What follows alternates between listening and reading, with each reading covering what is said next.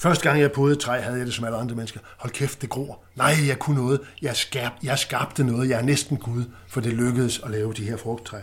Forædlet korn, der er kortere, så det ikke vælter, selvom det er tættere og derfor giver mere mad. Gensplejsede planter, der hjælper med produktionen af insulin. Og arvelige sygdomme, der på sigt kan udryddes gennem genteknologi. Du lytter til den dybe tallerken. I dag om, hvordan gensplejsning og podning af afgrøder har ændret vores verden. Siden tidernes morgen har menneskets vigtigste evne måske været, at vi kan tænke nyt. Vi kan få gode idéer og opfinde ting og løsninger, der gør livet bedre og driver os fremad.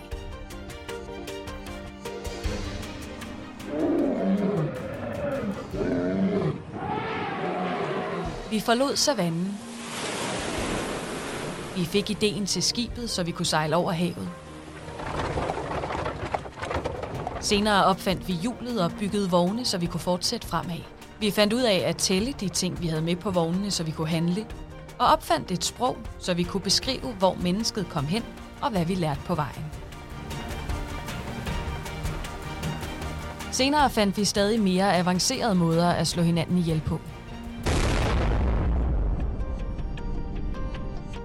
Vi rejste ud i rummet It's one small step for man, og har i dag en kur mod næsten alle sygdomme. Surgeon Christian Barnard performed the world's first human to human heart transplant.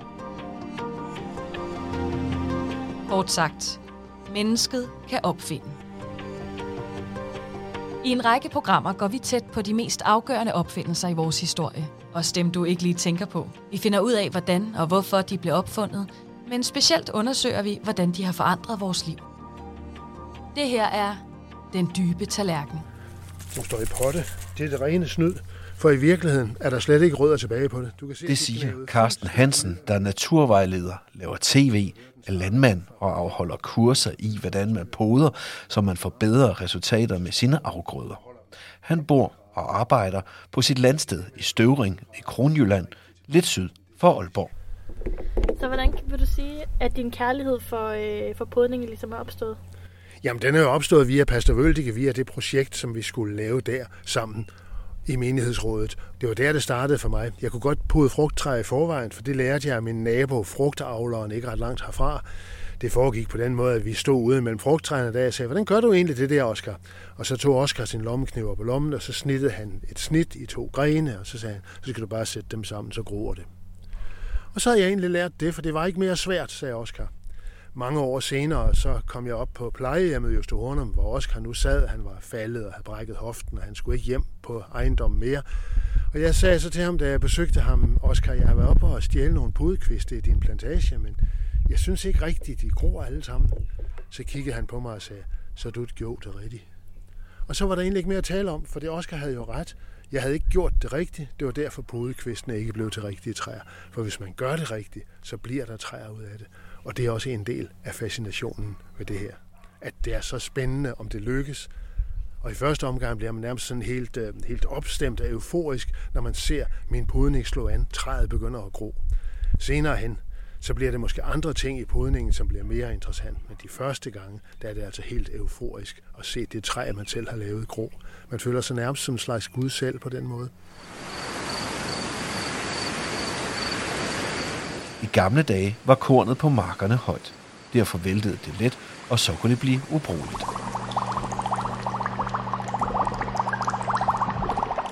Podning og gensplejsning sørgede for, at kornet gror kortere strå, og derfor er fødevareproduktionen blevet mere effektiv. Før da gik rigtig meget mad tabt. Genteknologi har også, og vil i fremtiden, betyde meget for vores sundhed og helbred. Tidligere døde vi af en lang række sygdomme, som nu ikke længere slår os ihjel. Jeg hedder Søren Sørensen. Jeg er professor i mikrobiologi på Københavns Universitet, og det har jeg snart været i en menneskealder. Og når man så er professor i mikrobiologi, hvad laver man så? Det jeg arbejder med, øh, først og fremmest bakterier, som er de her encellede øh, organismer, som vi i de senere år har fundet ud af, blandt andet, der er rigtig mange af i vores egen krop, og som er vigtige for os i vores mave og sådan noget. Det er en af de ting, vi kigger på, øh, men i det hele taget kigger vi på hvad, hvad det er, bakterierne laver i naturen. Men grunden til, at du sidder her i dag, det er jo en helt anden, til delvis en anden. Du arbejder med gensplejsning. Det er det, jeg gør, øh, og øh, det er et af grundredskaberne i, i mikrobiologien. Det var sådan set øh, den første gensplejsede organisme, der blev lavet i verden. Det var en gensplejset bakterie. Og det var tilbage i 1973, at nogle amerikanske forskere over på Stanford, hvor de fandt ud af, at de havde, de havde i en del år kigget på, at bakterier de, de kan udveksle egenskaber. Men nogle gange, så, så kom de her genetiske egenskaber ikke ind, og det viste sig, at det var fordi, de her bakterier, de havde sådan nogle enzymsakse, kan man sige, der klippede DNA'et i stykker. Der var så nogle forskere over på Stanford, der var begyndt at tænke på, at det kan vi måske bruge de der. Så de isolerede de her proteiner, de her enzymer, og dem brugte de til at klippe stykker af DNA i specifikke stykker. Og når man klipper med den her saks, det er ikke sådan en saks, som vi kender, der sker, sker lige over. Den sker sådan med, med et specielt mønster, så de kan kun passe lige sammen. Så på den måde kunne de lave de her ender, sådan så lige præcis nogle DNA-stykker passede sammen. Det prøvede de så at lave en bakterie, der blev resistent ikke over for et antibiotika, men to antibiotika. Man kan sige, det er ikke en særlig god idé måske at gøre øh, i udgangspunktet. Det var også i et laboratorium, og det var en harmløs bakterie, så det gjorde ikke noget, men de viste i princippet, at de kunne give den en genetisk ny egenskab ved at, at klippe i DNA'et og sætte det sammen igen. Hvad havde man egentlig tænkt dengang, man gerne ville bruge det til? Jamen oprindeligt var det, man var interesseret i, det var at forstå, det var blandt andet det her med antibiotikaresistens. Det var det, man havde opdaget, at bakterier kunne erhverve de her antibiotikaresistenser, og det ville man prøve at forstå grundmekanismen i, og det samme med, man, man studerede meget, hvordan bakterierne bliver beskyttet sig mod virusangreb øh, som jo kan være relevant for os alle sammen i, i, i dag nu med, under coronaen, og vi er angrebet af virus, men virus, ikke corona, men andre virus går også på bakterier. De har rent faktisk udviklet forskellige forsvarsmekanismer mod de her. Og et af forsvarsmekanismerne, det var de her restriktionsenzymer, som, øh, som de bruger til, når, når virusens DNA kommer ind i bakteriecellen, så klipper bakteriecellen virusens DNA i stykker. Allerede året efter, at de havde opdaget, gik det op for folk, øh, forskerne der på Stanford, at der også var tekno- øh, bioteknologiske applikationer af det her. Biotekniske applikationer for... Ja, for teknikken. Altså, det med, at man kunne skære, øh, øh, skære og, og, og, og sætte øh, gener ind. Og så allerede et år efter havde man det første bud på at kunne sætte øh, et humant gen, nemlig genet for insulinproduktion, ind i en bakterisk. Og det, der er det fantastiske perspektiv i det, det er så, at man kunne få en bakterie til at producere et protein, som normalt menneskeceller laver. Nu kan man så lave, men bakterieceller, dem kan man dyrke, altså bare i, i sådan et, et lille reagensglas, der kan, der kan jeg have flere milliarder bakterier. Så det første, man opfinder med øh, i virkeligheden gensplejsning, det er evnen til at producere insulin. Ja, vi havde gjort det inden, men, men så, så var det typisk, og, og, og blandt andet også øh, væksthormon, som er, er, har en anden øh, vigtig ting, hvor man kan have øh, øh genetiske defekter. Øh, begge dele er typisk øh, genetisk arvet sygdom, som er svær at, på den måde at helbrede, så man bliver nødt til at behandle dem. Og det har man så kunne gøre ved at prøve at udvinde de her fra dyr. Men det er ikke helt det samme, så hvis man gør det fra en en kalv, så virker det ikke lige så godt ind i vores krop, og, og, og der er stor risiko for, at kroppen den danner antistoffer mod det. Så, så man kan godt sige, at det er kunstigt, men det var egentlig naturligt, fordi at man kunne lave lige den rigtige. Man kunne lave det humane insulin og det humane væksthormon. I 1973 blev genteknologi, som vi kender det i dag, brugt for første gang. Det var de to forskere, Herbert Boyer og Stanley Cohen, der som de første med succes flyttede genetisk materiale fra en organisme til en anden. Deres arbejde byggede videre på, at man 20 år forinden for første gang kortlagde det menneskelige DNA. Søren Sørensen, der er professor i mikrobiologi på Københavns Universitet, har arbejdet med gensplejsning i mange år, og har derfor fulgt udviklingen inden for sit felt fra den spæde start. Hvad er det, gensplejsning er? Ja, jamen, det er jo det med, at vi har fundet nogle molekylærbiologiske værktøjer til, at vi kan skære i DNA og sætte det sammen igen. Så vi på den måde laver konstruktioner, som ikke har eksisteret før. Så i virkeligheden, så skaber vi noget DNA, altså noget livets grundstof, som aldrig har eksisteret før, som er kunstigt, eller Ja. som er i hvert Så- fald opfundet af et menneske. Ja, så DNA er jo det, vores genom og alle andre levende organismers genom står, at det er det, der koder for alle de egenskaber, vi har. Det, man principielt fandt ud af med de her bakterier, det var, at man kunne sætte et enkelt egenskab, genet for det, ind og få det udtrykt. Og det gav rent faktisk dengang i forskningsverdenen et kæmpe øh, opmærksomhed, og sådan set også bekymring. Så forskerne besluttede rent faktisk øjeblikkeligt at stoppe al forskning, indtil de har haft tid til at tænke sig om. Fordi man, man tænkte, okay, hvad er perspektiverne af det her? Man, man blev bekymret for, fordi at, at en ting er, når man laver en, en bakterie om, men i og med, at alle levende organismer reelt har det samme princip, så kunne det principielt måske bruges også til at gensplejse på mennesker. Og det blev bekymret for, med, der, hvad kunne konsekvenserne af den slags være. Så der gik rent faktisk et år, hvor, hvor man tænkte sig om, og så holdt man en stor konference i 1974, hvor forskere og jurister sammen, det var igen over i Kalifornien, det blev samlet, og Paul Burke, øh, som øh, indledte det, som var ham, der havde lavet det første forsøg, og som også fik Nobelprisen i 1980, præcis for, for den opdagelse, fik det samlet, og man blev enige om nogle retningslinjer, som rent faktisk er dem, vi følger i, i dag inden for forskning, omkring hvad må man og hvad må man ikke. Hvis man gensplejser på helt harmløse bakterier, det kalder vi klasse 1, så er der nogle regler for, hvor, hvor, hvor sikker man skal være på, at den ikke kan komme ud, hvis det er potentielt sygdomsfremkaldende organismer, så hedder det klasse 2. Og hvis det er en sygdomsfremkaldende bakterie, man vil gensplejse på, så skal man være i klasse 3-laboratorier. Så nogle har vi slet ikke i Danmark. Der, der er så meget sikkerhed omkring det. Gensplejsning bliver jo ofte blandet lidt sammen med både podning og, og kloning. Hvad er forskel mellem de her tre begreber? Ja, altså podning, som for eksempel er det, vi kender fra planteverdenen, hvor man kan pode en gren, det er sådan set bare at samle to, to egenskaber, men hvis det var et æbletræ, hvis man tager et æble fra det træ og, og, og planter det, så, så er det ikke podet mere. Så er det tilbage til den oprindelige, så man har ikke som sådan Smeltet ændret- noget. Man har ikke Nej, smeltet noget altså, sammen. Så, så det, altså man har fået ligesom to i en, men det er reelt ikke ret meget anderledes end at have både en ged og et får i den samme stald. Og, og på den her måde kan man så i træet have, man kan reelt have pærer på den ene side og æbler på den anden side, men træet er reelt stadigvæk et pæretræ.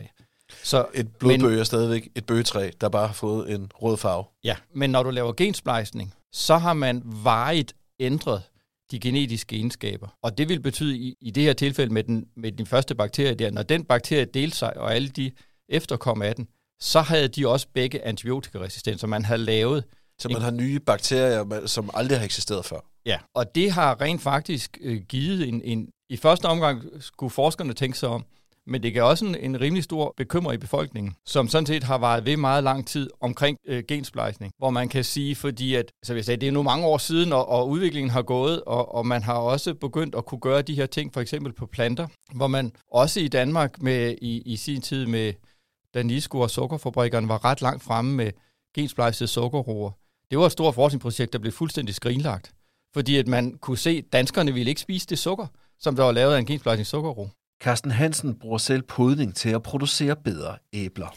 Så hvilket æble får du øh, af den der pudning, du lige har lavet? Der får jeg et øh, velsmagende, sprødt efterårsæble, som er grønt med en rød kind. Og den beskrivelse gælder jo for næsten 1000 forskellige æblesorter, så det er jo noget sludder at sige, men det er den bedste beskrivelse, jeg har af det. For det med at fortælle om smag og duft, det er uhyggeligt svært. Det ved alle os, der har prøvet at læse på en rødvinsflaske. Vi tror ikke på det der vrøvl, de skriver om, at den smager og sådan og sådan og sådan. Men når man skal beskrive den, så skal man altså have fat i blomsterknopperne, blomsterne i udspring, bladene, bladenes takker rundt i kanten, hvor uldet er bladene på bagsiden, hvor meget uld er der på knopperne, hvordan er træets vækstform, er det opret eller, eller ude, hvad hedder sådan bredt voksende. Og så kan man have fat i frugten, så kan man finde ud af, hvad smager kernerne af, hvilken farve har frugtkødet, hvordan er æblets fason, hvordan ser blomsteren ud, der hvor blomsten går ned i æblet, hvordan ser det ud? Er det langt eller kort bægerrør? Og de grønne årer inde i æblet, går de op til bægerrøret, går det op midt på bægerrøret? Der er masser af ting, man skal have fat i, hvis man virkelig for alvor skal finde ud af, om det er det æble, man har med at gøre. Men nu, mens jeg husker det, så skal jeg lige skrive en navneseddel til den også, for ellers så har jeg nemlig glemt, hvad det er for noget, jeg laver. Barts A, sådan. Og den skal selvfølgelig sættes på, på hver enkelt pudning, man har lavet. Ellers løber man altså sur i det.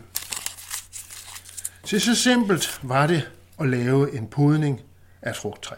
Professor i mikrobiologi Søren Sørensen forklarer, hvad den videnskabelige definition på kloning er. Ja, kloning, øh, det er reelt bare det, at man har, at man tager, har ens individer.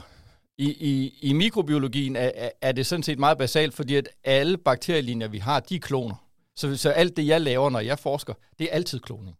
Fordi en, en, en bakterie, den vokser bare ved at dele sig. Men du laver ikke noget, der er nyt og unikt på Nej. den måde? Og det gør man heller ikke. Og, og hvis man så tager en højere organisme, for eksempel var der jo nogen, der har, har gensplejset, øh, eller klonet et får. Øh, og der kan man så, når det befrugtede ægcel er befrugtet, når det, i første omgang deler det sig en gang, så er der to. Det er når det lille bitte foster, så deler de sig en gang til, så er der fire celler, der sidder ved siden af hinanden. Hvis man nu på det helt tidlige tidspunkt tager den her og deler hver af de fire celler, så kan de rent faktisk stadigvæk alle fire virke som en Excel. Det kan stadig blive til et nyt form. De, de er helt ens. Så de kan blive til fire fuldstændig genetisk ens form. Det kalder vi kloner. Men, men, de, men, men vi har som mennesket, vi har ikke skabt en ny kombination. Vi har bare blandet os i tidligt i den deling, og, og, og på den måde lavet, opstår der fire ens. Carsten Hansen er meget positiv over de muligheder, podning har givet i landbruget. det har i hvert fald ført bedre madkvalitet med sig, for det, vi jo nu kan, øh, kan hjælpe hinanden til at få de bedste smagsoplevelser, de længst holdbare æbler, den, den bedste sundhed af æbletræerne osv. Det, det kan vi jo få i og med, at vi har udvalgt og selekteret og fundet de bedste sorter. Og øh, når vi så er mange, der kan pode, jamen så er der også mange, der kan få en højere madkvalitet ud af det. Gensplejsningen blev blandt andet udviklet i et forsøg på at bekæmpe sygdom. Teknologien bliver også brugt til at øge udbyttet af vores landbrug, blandt andet ved at nedbringe forbruget af giftige pesticider. Det betyder blandt andet, at man i dag kan producere mere mad til verdens voldsomt stigende befolkning. Hvis vi nu tager den tidlige del af gensplejsning de første 10 år, hvad er det for nogle produkter, der kommer ud der, der forandrer noget for mennesket? Ja, men det er, det er alt sammen til, at de her medicinalske produkter, det er det jo Altså tit, insulin, væksthormon... Ja, det der i høj grad driver det, og, og det er jo fordi, at det er et, et marked, hvor der er rigtig mange penge. Altså så ny teknologi er dyr at sætte i gang, og applikationen, det man får flest penge per gram, man producerer, det er jo, hvis du kan sælge det som medicin. Så det er markedsmekanismen, der gør, at der applikationen er først. Hvor skifter det så hen af efter det? Når man så først har fundet ud af, at man kan bruge de her mikroorganismer, det er dels kolibakterier, man typisk bruger, men det kan også være gær, hvor man kan med gensplejsning få dem til at lave et eller andet, man har brug for. Så får man en lang række andre applikationer, og for eksempel alle de enzymer, en stor dansk virksomhed som Novozymes tjener mange penge på at lave til vaskepulver og andre ting. Det, det er typisk enzymer, som bliver produceret på af organismer, der kan være svære at dyrke og, og lave i stor mængde. Men så kan man tage det gen og sætte det ind i en bakterie, som man er super god, og hvor man allerede på Novozymes har tankene til at, lage, til at dyrke dem. Og så hver gang man får et nyt produkt, så sætter man den sådan set ind i den samme produktionsorganisme, så man skal ikke noget nyt. Fabrikken kan virke på den samme måde. Og det er, så det har været et, et kæmpe potentiale. Det år har jo også drevet, i høj grad af der enzymer til, der har været med i til at lave biobrændsel. Så hele den der bioteknologiske industri er totalt drevet af gensplejsning. Uden gensplejsning havde, havde det ikke kunne fungere. Så hvordan er det grundlæggende set, at gensplejsning, kan man sige, for, hvilken betydning er det grundlæggende for, for, for samfundet? Altså efter min bedste overbevisning, så der i 70'erne og 80'erne, så var det simpelthen det, der drev hele den store vækst, vi har set i hele den vestlige verden. Det, det var en, en kæmpe revolution, og det, der er, er, er specielt ved den type opfindelse som de her, det, det er, hvis man får en opfindelse, der rent faktisk skaber en mere værdi, hvor man rent faktisk kan skabe mere værdi uden at, at, at bruge flere ressourcer på det. Det kan så give en reel værdistigning i hele samfundet i forhold til, at man, en anden form for værdisævel, det er, at man tager fra nogen og giver til nogen andre. Det skaber som sådan ikke på verdensplan. Din holdning er, at der, der er ikke nogen, der taber i gensplejsningen? Ikke økonomisk set. Der, der blev vært, hele verden som sådan blev rigere. Og det drev, det var først og fremmest i den vestlige verden, vi brugte, men det var for en gang skyld ikke på trods af nogen andre. Et tilsværende ting har vi så set jo med mikrochippen og, og hele den udvikling, der kom så cirka 20 år efter i Silicon Valley, hvor der igen skete et boom, af verdensøkonomien, fordi vi simpelthen, som med internettet og, og, og kommunikation osv., osv., kan producere mere, end vi havde kunnet uden den. Som så meget andet nyt er genmodificering ikke udelukkende populært. 2 million people in 436 cities in Der er mange, der mener, at det kan være skadeligt og ødelæggende for biodiversiteten. Their protest 100% focused on Indtil videre er der dog udbredt videnskabelig enighed om, at genmodificeret mad ikke er skadeligt for mennesker. Samtidig har teknologien spillet en stor rolle i kampen mod en lang række sygdomme. Så lad os lige spole tiden tilbage igen til 1973. Ja. Det her, hvor Stanley Cohen og Paul Berg, de, de øh, sådan ligesom lavede den første gensplejsning. Øh, hvilke omstændigheder gjorde egentlig, at man øh, altså opfandt? Hvorfor, hvorfor var det vigtigt? Jeg tror i høj grad må man sige, at, at lige på det, altså jeg tror, at- at det var meget drevet af nysgerrighed. Man kan sige, hvorfor lige, på det, lige der, vi havde fået den viden, der var nødvendigt. Der i midt i 50'erne havde vi opdaget strukturen af DNA. Og, og så var der øh, en, øh, så havde vi opdaget de her restriktionsenzymer, de her enzymer, der kunne klippe i DNA'et. Men hvis jeg forstår dig ret, der hvor det bliver opfundet der i starten, midten af 70'erne, så er det i virkeligheden, fordi det er en del af en bølge i forskningen, man har forfulgt i faktisk siden 2. verdenskrig, mere eller mindre. Hvorfor er det, man har den her bevægelse gennem mange år, og vil stadigvæk har med, at det her det er forbundet med, med både stor prestige og interesse? Hvad er det, der gør det så grundlæggende interessant? Efter 2. verdenskrig, der var der ikke mindst øh, en, havde fysikerne haft stor succes med, med hele forståelsen af atomet, og selvfølgelig der er også atombomben. Og, øh, så man havde, havde fået nogle kæmpe gennembrud ved at prøve at forstå tingene helt basalt. Og der begyndte man at vente sig til at, at spørge, kan vi på den samme måde forstå livet og deres betingelser? Hvordan, øh, hvordan har det forandret sig, den måde, man bruger øh, gensplejsning, da det kommer frem til i dag? Det er, ikke, det er ikke grundlæggende det samme, men det er klart, at vi, blev, vi har lært mere og mere, så hvor man startede med kun at kunne gøre det på helt simple organismer.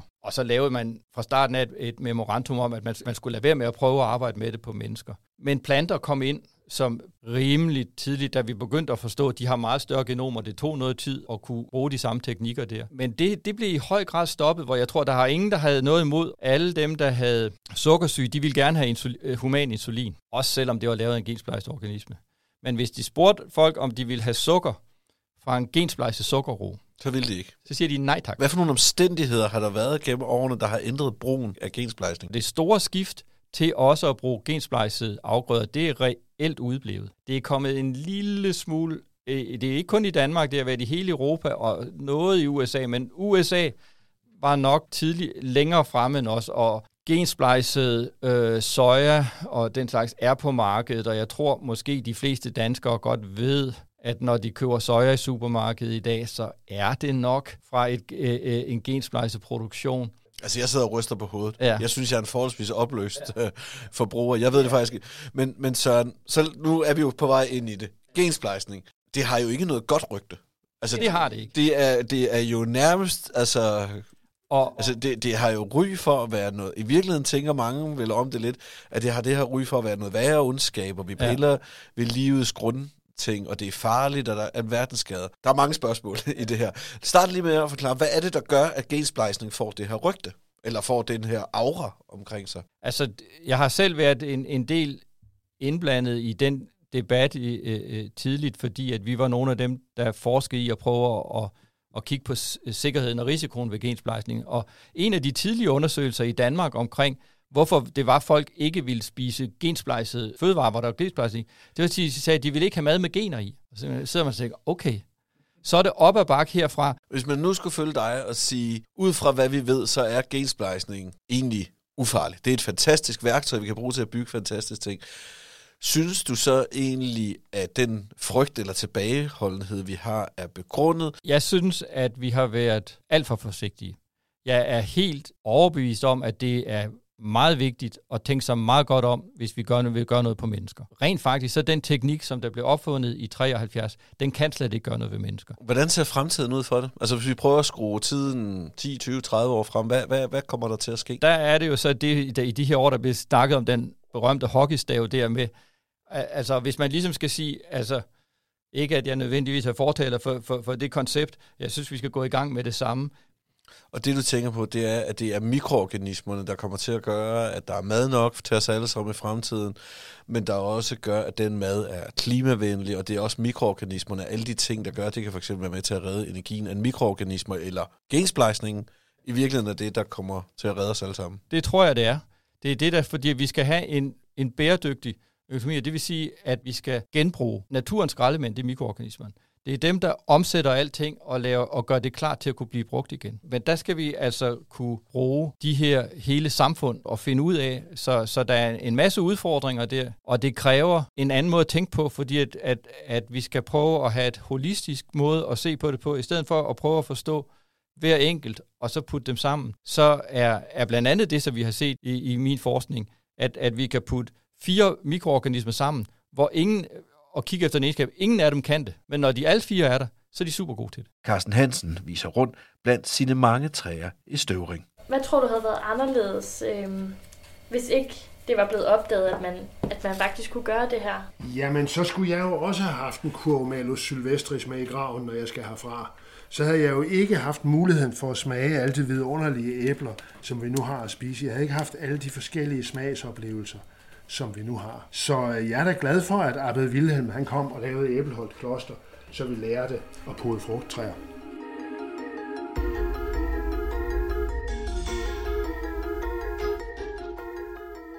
Det her var Den Dybe Tallerken. Programmet er produceret af KISS Content for Nationalmuseets medie Vores Tid og Loud.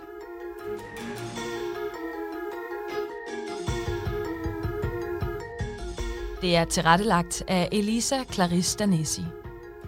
Teknik, tilrettelæggelse og lyddesign Tom Carstensen.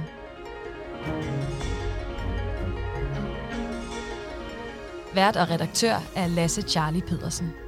Jeg hedder Mathilde Eusebius.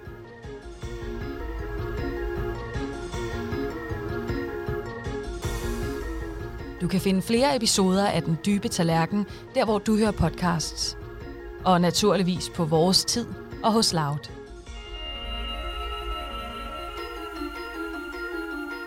Husk at abonnere, anbefale, rate og dele. Det gør en forskel. Tak.